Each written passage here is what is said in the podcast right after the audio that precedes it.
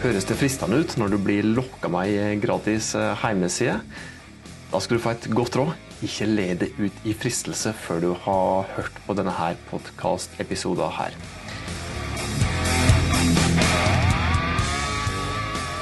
Hei, jeg heter Tormod Sperstad. Dette her er podkasten der du får enkle, men gode tips til hvordan du kan bruke ulike markedsføringskanaler til å få bedrifter som du jobber i, til å få flere kunder, større omsetning, bedre resultat på bunnlinja.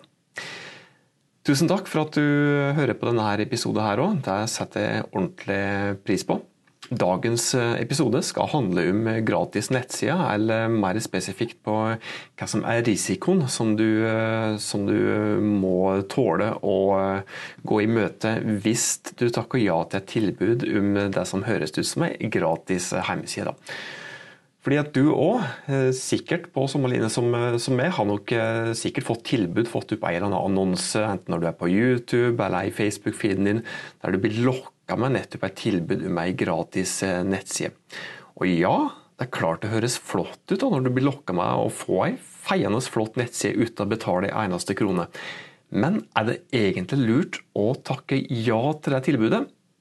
Svaret er nei, i alle fall ikke med mindre du har med deg skikkelig faglig kompetente folk når du skal bruke den der eh, såkalte gratisløsningen. De viktigste grunnene til at du bør tenke deg om når du får denne typen tilbud, det er at eh, ja, for det første da, noe så enkelt som at eh, det er et godt gammelt ordtak som sier at det there ain't no free lunch. Og Det er en sannhet i det. altså. Du må som regel betale for viktig tilleggsfunksjonalitet. I tillegg så er du ikke sikra lovpålagt universell utforming. Du kan få dårligere synlighet på Google, og du må uansett eh, bruke tid på å logge innhold, tekst og bilde og video til nettsida di. Og tid er jo òg penger, ikke sant?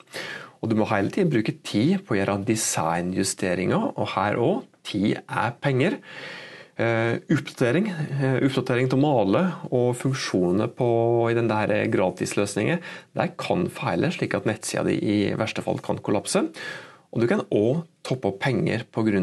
dårlige brukeropplevelser. At de som bruker nettsida di rett og slett ikke greier å bruke og få utført det de kommer for å bruke nettsida di for, på en enkel og god måte.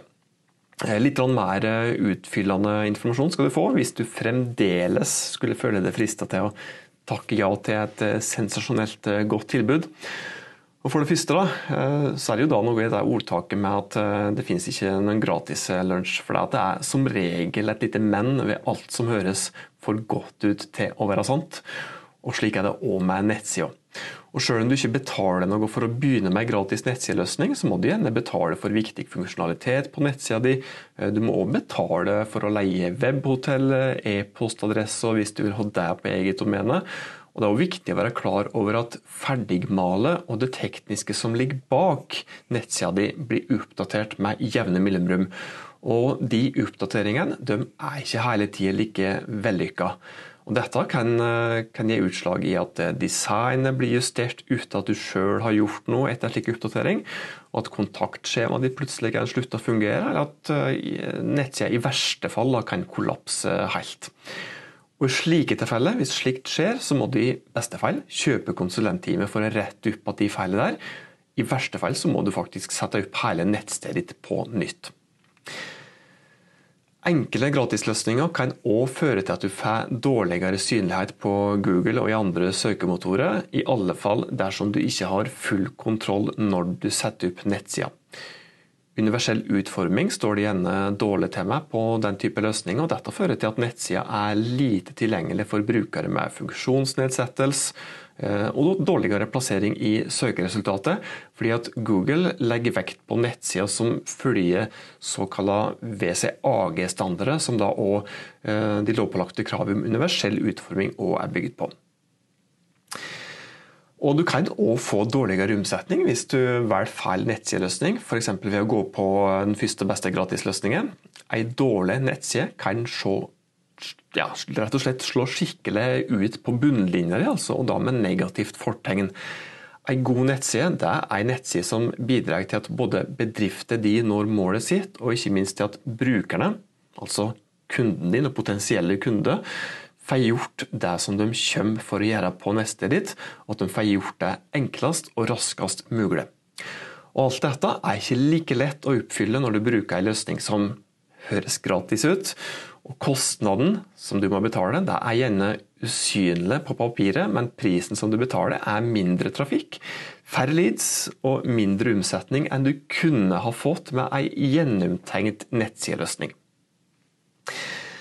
Så da har du altså fått noen grunner til at du kanskje bør tenke deg om før du sier ja til tilbudet om gratis nettside. Første som nevnte, dette her med at det er ikke noe free lunch, det er som regel ei hake ved alt. og eh, Haka her er at du gjerne må betale for tilleggsfunksjonalitet. I tillegg er du ikke sikra lovpålagt universell utforming, som bl.a. kan gi utslag til dårligere synlighet på Google, og ikke minst eh, med mindre tilfreds eh, kunde. Og Du må uansett bruke tid på å lage innhold, tid på å gjøre designjusteringer, og tid er som nevnt penger. Og så er det slik at Oppdatering av designmaler og funksjoner kan feile, slik at nettsida di og kan eh, i verste fall eh, kollapse. Og Du kan da tape penger pga. dårlig brukeropplevelse fordi at du har gått for ei lite gjennomtenkt nettsideløsning. Så tenk deg altså om, er vel da moralen som vi prøver å komme fram til her. Det var det som jeg hadde å by på i dagens podkast-episode. Dersom du hadde nytte av dagens tips, så blir jeg ordentlig glad om du tipser den andre om denne podkasten her. Og hvis du har ønske om ting som du vil jeg skal prate om her, eller spørsmål til meg om eh, et eller annet som vi har pratet om, så send meg en DM på Insta. Søk Tormod Sperstad på Instagram og send meg en DM der. Så lover jeg å komme tilbake til det med et personlig svar. Og hvis du ikke gjør det allerede, abonner på podkasten, slik at du er sikker på at du ikke går glipp av neste episode med matnyttige markedsføringstips for målbevisste bedrifter. Inntil oss eh, høres, ta godt vare på det og dine.